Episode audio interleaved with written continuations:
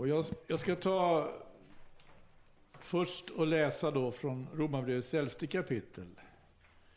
Vi har ju talat om det här med berömmelse. Vem ska ha beröm? Med en salt, psalm i Saltaren får vi instämma där. Icke åt oss, Herre, icke åt oss, utan åt ditt namn giv äran, för din nåd och för din sannings skull. Och därför så skriver också aposteln Paulus, när han har gått igenom allt det här med frälsningen och vad det har fått för konsekvenser för judar och hedningar på detta sätt. Slutet av elfte kapitlet, vers 33. O, vilket djup av rikedom och vishet och kunskap hos Gud.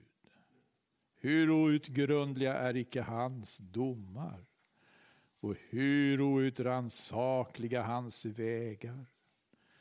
Ty vem har lärt känna Herrens sinne eller vem har varit hans rådgivare? Eller vem har först givit honom något som han alltså bör betala igen? Av honom och genom honom och till honom är ju allting. Honom tillhör äran i evighet. Amen. Det här det är ganska otroligt. Vem har först givit honom något? Vem har först givit? Här är Gud. Här är Gud. Och se, här kommer någon gående. Och innan Gud har hunnit säga något så, så vill den här som kommer gående ge Gud något. Nej. Därför Gud har inte låtit honom bli till än. Om inte Gud låter någon bli till så kan han inte ge något heller.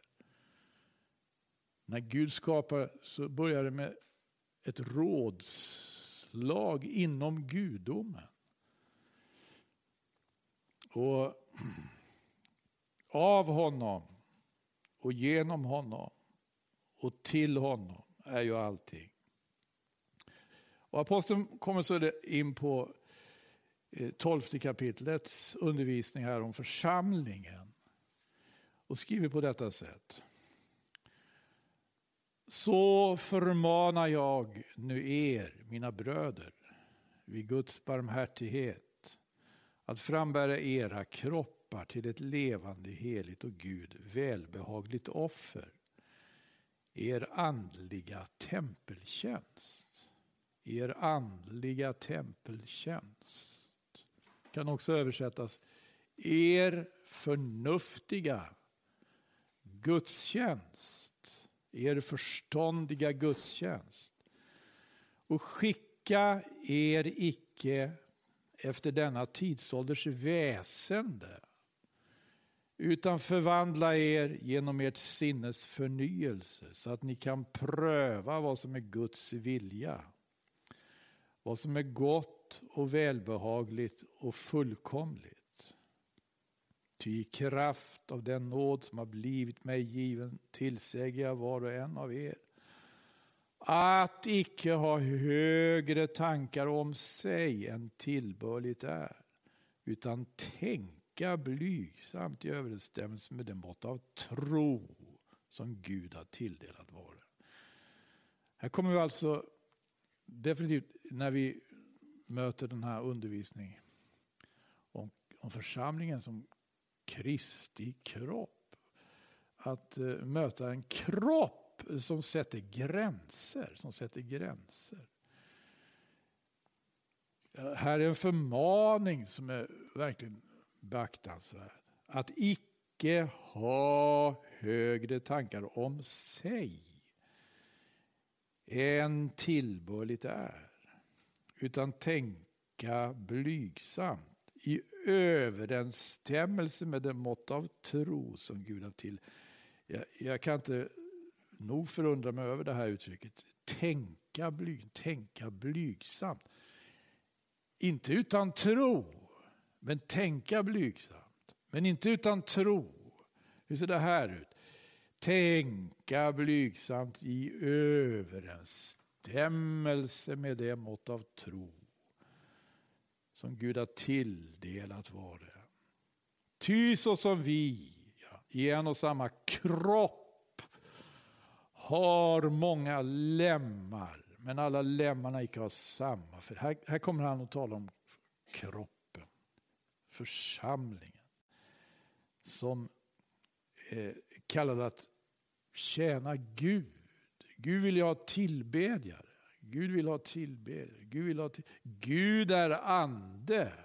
Vad innebär det att Gud är ande? Jo, det innebär att aposteln utbrister som han gör. Oh, vilket djup av rikedom och vishet och kunskap hos Gud.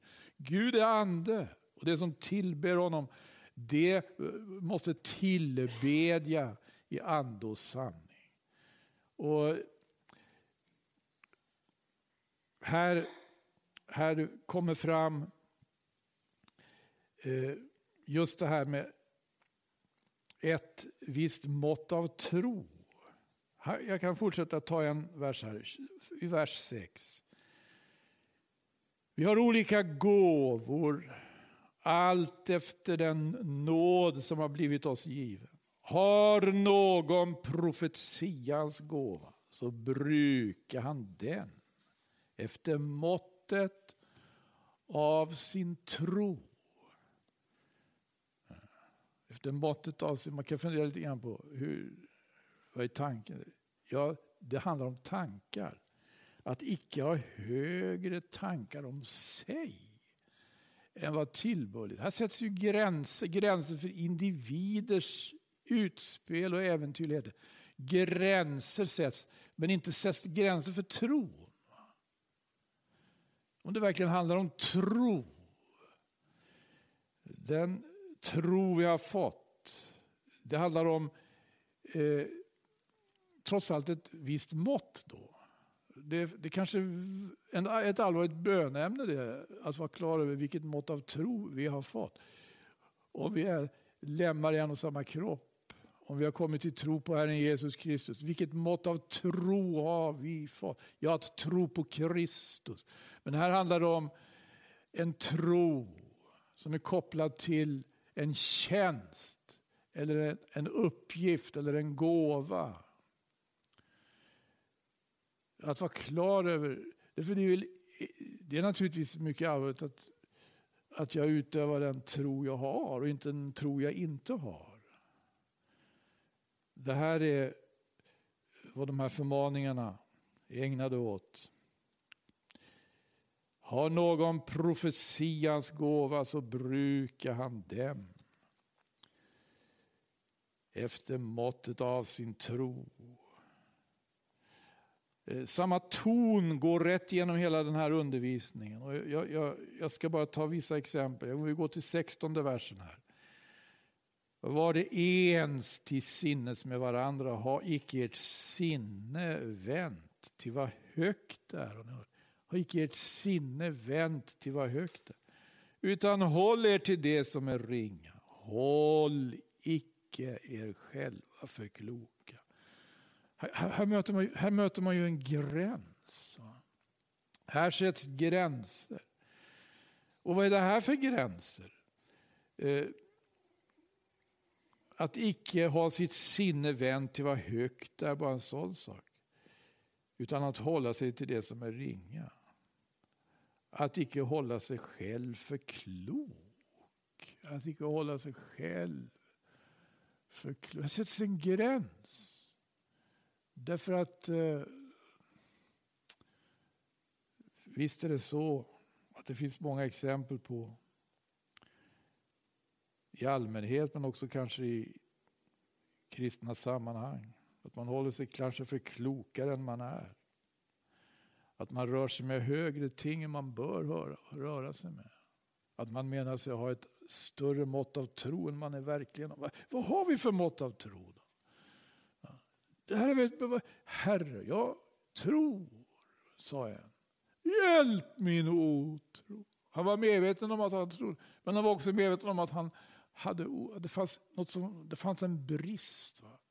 En brist. Tron kan ha en brist. Apostlarna såg bland annat det som sin uppgift att avhjälpa vad som kunde brista i deras tro. Som hade kommit till tro på Jesus och blivit frälsta. och blivit, och blivit lemmar i Kristi kropp.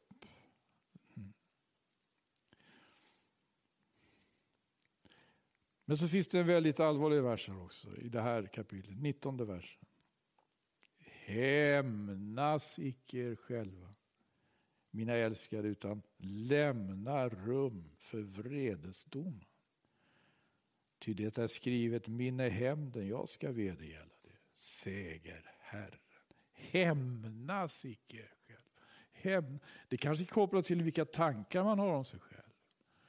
Det kanske är kopplat till, Eh, eh, eller har, har att göra med vad man har för, eh, för liksom vad man rör sig med. För, håller man sig till det hö, hö, vad högt där? Eller håller man sig till det som är ringa? Håller man sig själv för, känner man att man måste hämnas sig själv på något vis? Så kanske man har eh, någon slags missuppfattning då på någon av de här punkterna. Det här, det här kapitlet är skrivet för att, för att vi ska pröva oss. Det skrivs för att vi ska, för att vi ska pröva oss. Har vi högre tankar om oss själva än vi bör ha? Menar vi att vi har ett annat mått av tro än vi egentligen har?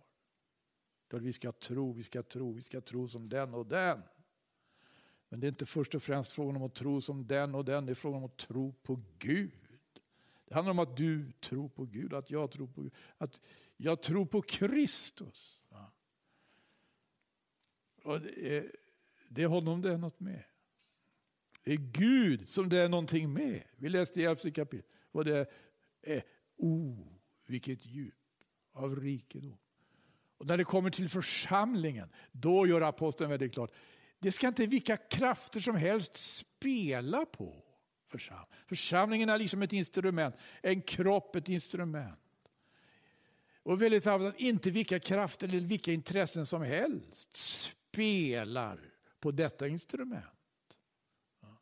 De ska inte, man ska inte spela på det här instrumentet om man har högre tankar om sig än man egentligen bör ha. Eller om man menar att man har en tro som man egentligen inte har. Men du, Gud ska spela på det här instrumentet. Denna rikedom, oh vilket djup av rikedom. Det är denna vishet, oh vilken vishet, vilken som ska spela på det här instrumentet. Och därför så måste de enskilda lemmarna måste ha akt här på sig själva. Hämnas icke, hämnas icke själva mina älskade, utan lämna rum för vredes. Och det är, alltså, eh, avsluta det här tolfte kapitlet innan han kommer in på det trettonde kapitlet. Han talar om överheten. Överheten. I samhället, i det omgivande samhället. Och han skriver på det här, ska vi ta det också? Ta några verser här, i 13 kapitlet. Var och en vare underdånig den överhet som han har över sig. Ty ingen överhet finns som icke är av Gud. All överhet som finns är förordnad av Gud. Därför den som sätter sig upp mot överheten, han står emot vad Gud har förordnat. Men det som står emot detta, det ska få sin dom. Ty det som har väldet är till skräck, icke för dem som gör vad gott är, utan för dem som gör vad ont är. Vill du vara utan fruktan för överheten så gör vad gott är. Du, du ska då bli prisad av det. Här sätts det ju också gränser. Kropp, församlingen sätter gränser genom just apostelns undervisning. Överheten sätter gränser. Överheten sätter gränser. Vad, vad är det som gör att det här är nödvändigt? Eller hur ska vi se det? Det verkar som att här sätts bara gränser, här finns ingen frihet. Här sätts bara gränser. Men man kanske på ett annat sätt också. Gud har givit gåvor. Han har givit gåvor. Han har först och främst givit en oerhörd gåva. Det heter Gud var det tack för hans outsägligt rika gåva. Jesus själv, Jesus Kristus, huvudet för kropp. Han har givit, Gud har givit gåvor, idel goda gåvor. Och idel fullkomliga skänke kommer ned ovanifrån. Från himla ljusens fader hos vilken ingen förändring äger rum och ingen växling av ljus och mörker. Han har givit församling, han har givit, han har givit överheten. Han har, vi har bara fått gåvor. Vi har bara fått gåvor. Men vänta lite nu, sakta i backarna. Vers 4. Ty överheten är en Guds tjänare dig till fromma. Men gör du vad ont är, då må du frukta. Ty överheten bär icke svärdet förgäves utan är en Guds tjänare, en hämnare. En hämnare. Undervisningen om församlingen utmynnar i det här, hämnas icke er själva. Hämnas icke er. Undervisningen om överheten får med det här momentet. Överheten bär icke svärdet förgäves utan är en Guds tjänare, en hämnare till att utföra vredesdomen över den som gör vad ont är. Så överheten är alltså. Det talas här om, det talas om, här sätts gränser, här sätts gränser. Men snälla någon, det sätts inte gränser för tron. Bara det är den tro som vi faktiskt har, Det mått av tro som vi faktiskt har. Den tro som vi faktiskt har. Det är ju en tro som vi har fått. Vi liksom de som var före oss. Den kristna församlingen i Rom, liksom fäderna. Som det talas om redan i första Mose, det talas om Abraham. Om Abraham heter det så här i, i Romarbrevets fjärde kapitel, samma Romarbrev och kapitel 4.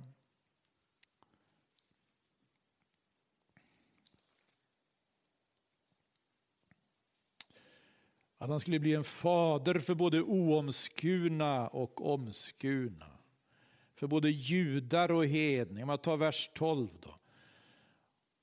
Han skulle och bli en fader för omskurna, nämligen för sådana som icke allenast är omskurna, utan och vandra i spåren av den tro som vår fader Abraham hade medan han ännu var oomskuren. Vad ska man kunna säga om Abrahams tro? Den kristna församlingen tror ju på samma Gud som Abraham trodde. Och Abrahams tro, den kommer att sättas på prov. Så sätts också vår tro på prov. Vi kan läsa om Abraham, hur han Hans tro blev verkligen prövad, men han stod fast i tro. Han vandrade i tro. Han vandrade. Att vandra i tro.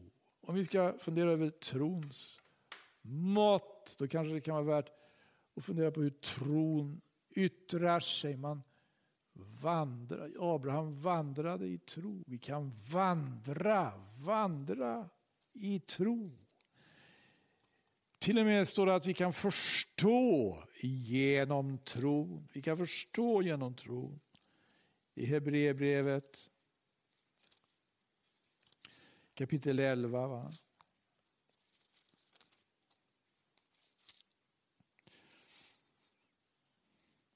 kapitel 11, vers 3. Genom tron förstår vi att världen har blivit fullbordad genom ett ord av Gud. Så att det man ser icke har blivit till av något synligt. Att vandra i tro. Abraham vandrar i tro. Han vandrar efter måttet av den tro han hade. Han vandrar inte efter någon annans tro. Han vandrar efter den mått som han hade fått. Hebreerbrevets författare förstår genom tron, förstår genom tron att världen har blivit fullbordad genom ett ord av Gud. Vi kan tala av tro, det bör vi ju göra. Andra Korinthierbrevet kapitel 4.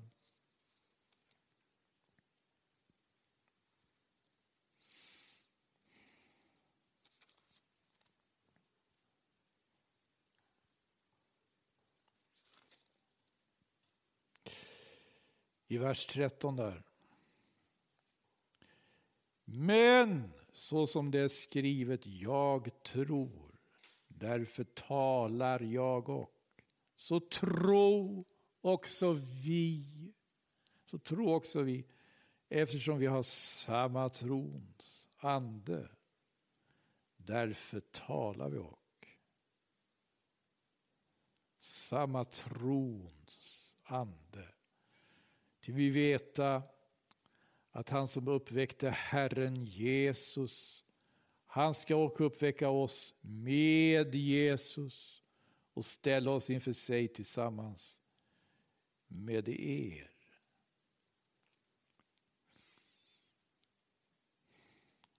Att vandra i tro, att vandra i tro, att förstå genom tro, att tjäna Gud att, att profetera efter det mått av tro som den har fått.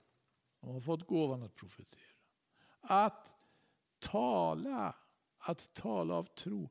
Att ha trons ande. Att ha trons ande. Jag måste faktiskt, eh, när jag läser just Romarbrevets undervisningar om församling, församlingens plats i samhället, vi kan fundera på församlingens plats i historien och hur många teologer som tiderna igenom och hur många vittnen och hur många predikanter som har ägnat sig åt att fundera över det här. Som eh, jag måste erkänna, jag är utmanad av den här undervisningen om församlingen som Kristi kropp. Att eh, icke tänka att icke tänka högre tankar om sig än tillbörligt är. Utan tänka blygsamt heter det. I öv men inte utan tro alltså utan i överensstämmelse med det mått av tro. Och tron yttrar sig ju på något vis. Tro, man vandrar, den som tror vandrar. Vandrar i tro. Den som tror förstår genom tro. Förstår genom tro. Den som tror talar av tro. Josua och Kaleb, det hade en annan ande. står det. Så de talade också på ett annat sätt. De talade på ett annat sätt. Det här var när, när eh, Herren hade fört sitt folk Israel till, precis till gränsen av Kanans land. Då kan vi läsa eh, om eh, vad som skedde i, i, i fjärde Moseboks 13 och 14 kapitlet. Det var en väldig uppgörelse, det var en väldig batalj. En batalj var det. I fjärde Mosebokens trettonde och fjortonde kapitel det står att Mosan, de hade kommit till gränsen av löftet, de hade kommit till gränsen av Kanans land. Och vi kan se om, om det uppdrag som de hade fått här då. Det står Moses ser ut tolv spejare. Vi kan läsa om de här spejarna. Det var en från varje stam i Israel. Det var alltså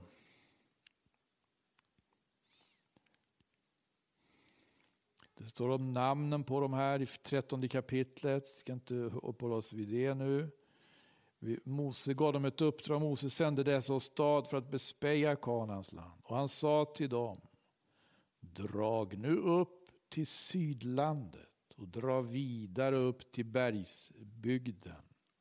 Och se efter, se efter hurudant landet är och om folket som bor där är starkt eller svagt, om det är litet eller stort och hurudant landet är var i det bor, om det är gott eller dåligt och hurudana de platser är där det bor, om det bor i läger eller i befästa städer. Och hurudant själva landet är, om det är fett eller magert om träd finns där eller icke, var vid gott mod och ta med er hit av landets frukt. Det var nämligen vid den tid då de första druvorna var mogna. Det var deras uppdrag, att se efter. Är det starkt eller svagt, litet eller stort? Är det gott eller dåligt? Bor folket, bor de i städer, i läger eller i befästa städer? Är det fett eller magert? Och de här spejarna drog iväg. Var de 12 eller 13? 13 var de Eller 12. De var 12, för det var ingen från Levis stam. Så det betyder 12 par ögon. Tolv par, de skulle anlita sina ögon de här spejarna. De skulle speja. De skulle undersöka. När Gud leder oss, då kommer vi till de här situationerna, gör vi inte? Då vi får anlita våra ögon. Vi får undersöka. De skulle verkligen kolla här nu, hur det var. Starkt eller svagt, litet eller stort. Gott eller dåligt? Hur bor folket? Är det, är det fett eller må? Och de kollade, de sprang runt, de undersökte vad de kunde. De använde sina ögon, de använde sina ögon. Och de kom tillbaka och de lämnade sin rapport. Och det blir en kalabalik utan dess like. Därför tio av spejarna, de hade visserligen ögon men de hade ingen ande. Av det slaget som två av spejarna hade. Två av spejarna hade en annan ande. De kom och så sa de så här. Vi kom till det land, det är 13 kapitel, fjärde Mosebok. Vers 13. Vi kom till det land dit du sände oss och det flyter i sanning av mjölkån. Och här är dess frukt. Men folket som bor i landet är starkt och städerna är väl befästa och mycket stor. Ja, vi såg där också avkomlingar av Anak. Amalekiterna bor i sydlandet, hetiterna, jebuséerna och amorena bor i bergsbygden och kananéerna bor ha och Det här framställdes på ett sådant sätt att det blev ett mummel. Det blev oro i leden, det blev oro i leden. Och det står Kaleb sökte stilla folket så att det inte skulle knota emot Mose. Han sa låt oss ändå draga dit upp och inta det, ty förvisso ska vi bli det övermäktiga. Men nu måste jag fundera. Jag vi läser ju faktiskt Romarbrevets 12 och 13 kapitel. Vi uppmanas att icke ha högre tankar om oss själva än tillbörligt är. Och inte uttala oss eller utföra någonting utan efter måttet av den tro som Gud har givit. När jag lyssnar till samtida ibland teologer och hur man talar om Kristi kropp och församling, då undrar jag hur kan man egentligen tolka skriften.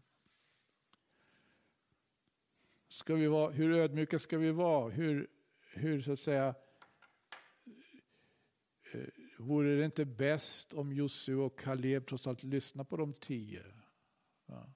Lyssna på vad de hade. vore inte det ödmjukt? Då hade de inte haft högre tankar om sig. Hade de högre tankar om sig än tillbörligt? Nej. Skriften säger det var en annan ande i dem. Oh, vad, vad är det för hemsk ande som inte talar som vi andra gör? Det var ingen hemsk ande, det var trons ande. Det var trons ande.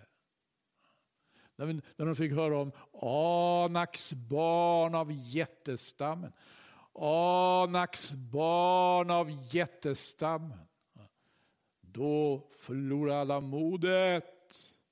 Utom Josua och Kaleb. Då sa det ska bli som en munsbit. Men hade de inte högre tankar om sig än tillbörligt var? Talar de verkligen efter måttet av den tro de hade? Ska vi, vad i all sin Ja, de talar i överensstämmelse med efter måttet av den tro, därför de hade trons ande. De hade trons ande. Och de var trogna det uppdrag de hade fått. Så det, det ska vi inte förstå när vi läser Romarbrevets 12 kapitel. Att det bara är frågan om så att säga att krypa i stoftet och inte våga höja blicken. Nej, har vi tro så ska vi använda den tro vi har. Även om vi ska tro, krypa i stoft, och det ska vi nog kanske göra. Vi, är, vi ska inte ha högre tankar om oss, men vi ska tänka, står det, blygsamt. I överensstämmelse med det mått av, alltså inte utan tro. I överensstämmelse med det mått av tro. Gud i himmelen. Trons ande, ett mått av tro, gode Gud. Trons ande. Man kan vandra i tro, man kan förstå genom tro. Man kan göra en hel del. Utan tro också, men utan tro står det är det omöjligt att täckas Gud. Ty den som tror, den som vill komma till Gud måste tro att han är till, att han är och att han lönar de som söker. Ja, jag vet inte om det... Gode Gud, Romarbrevet, Romarbrevet. Och definitivt Församlingen är någonting väldigt fint. Det jämförs här med en kropp. På andra ställen så jämförs församlingen med ett tempel. Församlingen är ett väldigt fint instrument. Vilka, inte, ska inte vilka krafter som helst spela på. Nej. Men, det som, men, men den som har skapat. Det är meningen att han ska spela. Det är hans ande. När vi blir sanna tillbedjare som tillber Fadern i ande och sanning.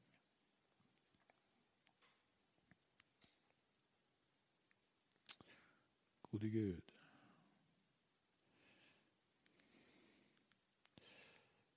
Ska vi prisa Gud tillsammans här när vi avslutar. Varsågod, ta med oss någon.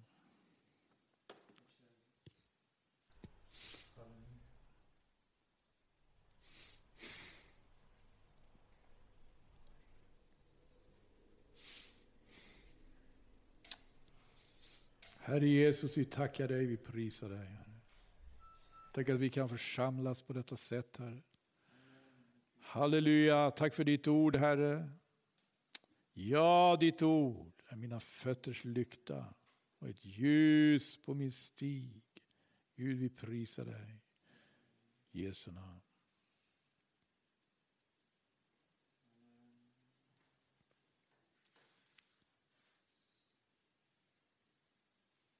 Trons ande.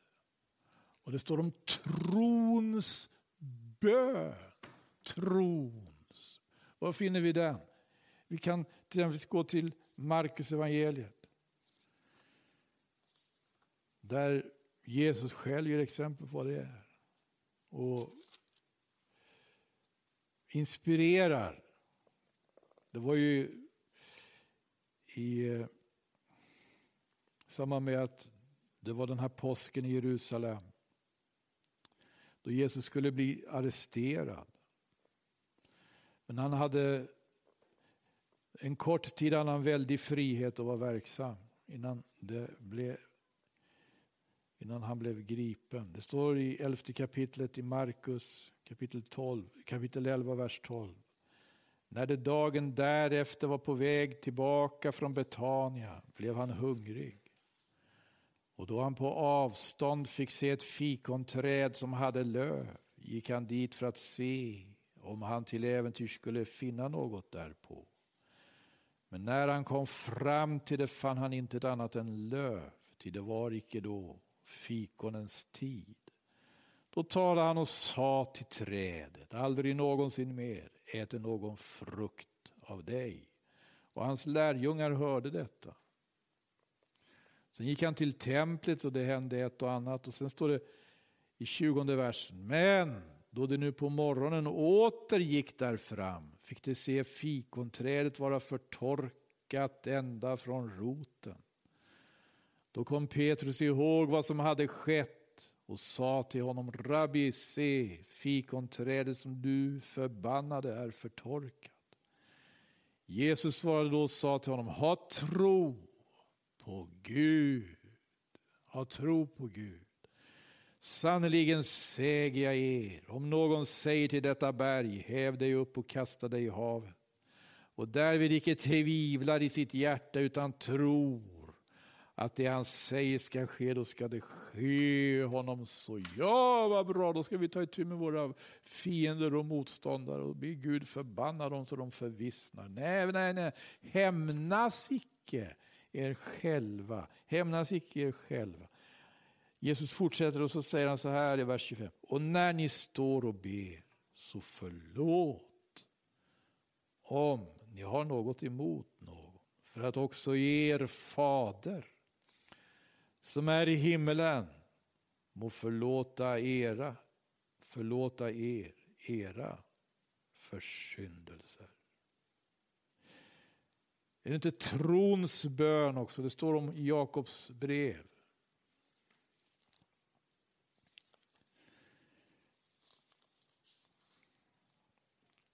Jakobs brevs femte kapitel. Trettonde vers. Får någon bland er utstå lidande så må han bedja. Är någon glad så må han sjunga lovsånger. Är någon bland er sjuk må han då kalla till sig församlingens äldste. Och dessa må bedja över honom och i Herrens namn smörja honom med olja. Och trons bön ska hjälpa den sjuke och Herren ska låta honom stå upp igen. Är någon, får någon utstå lidande, står det, så må han inte kalla till sig församlingens. Då må han bedja. Var och en har sin börda att bära. Men är någon sjuk, vad är det för skillnad här då? Det kanske inte alltid är sån skillnad. Är någon bland er sjuk må han då kalla till sig församlingens äldste. Och dessa må bedja över honom. Församlingens äldste. Gode Gud. Aposteln Paulus, han var en apostel. Han undervisar om församlingen i Romarbrevets tolfte kapitel. Han, han undervisar om eh, något av en gåta. Nej, vi måste ta den undervisningen på allvar. Göra det till vårt bönämne. Att vi ska icke ha högre tankar om oss själva än vad tillbörligt. Att vi ska icke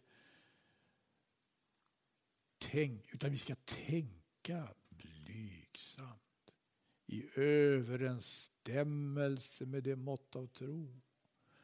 Vad betyder det? Betyder det att vi inte har fått ett mått av tro? Att Gud inte vill ge ett mått, det, det, det tror jag inte. Va? Han vill naturligtvis ge ett mått av tro. Ett mått av tro, tänka blygsamt då. Men vi har ett och annat att tänka på, det har vi. Hörni. Och även om vi naturligtvis ska tänka blygsamt. Oh, vilket djup av rikedom och vishet och kunskap hos Gud. Hur outgrundliga är icke hans domar och hur outrannsakliga är icke hans vägar. Vem har givit honom något råd? Vem har först givit honom något som han alltså måste betala igen? Av honom. Och genom honom och till honom är allt. I evighet. I Jesu namn. Amen.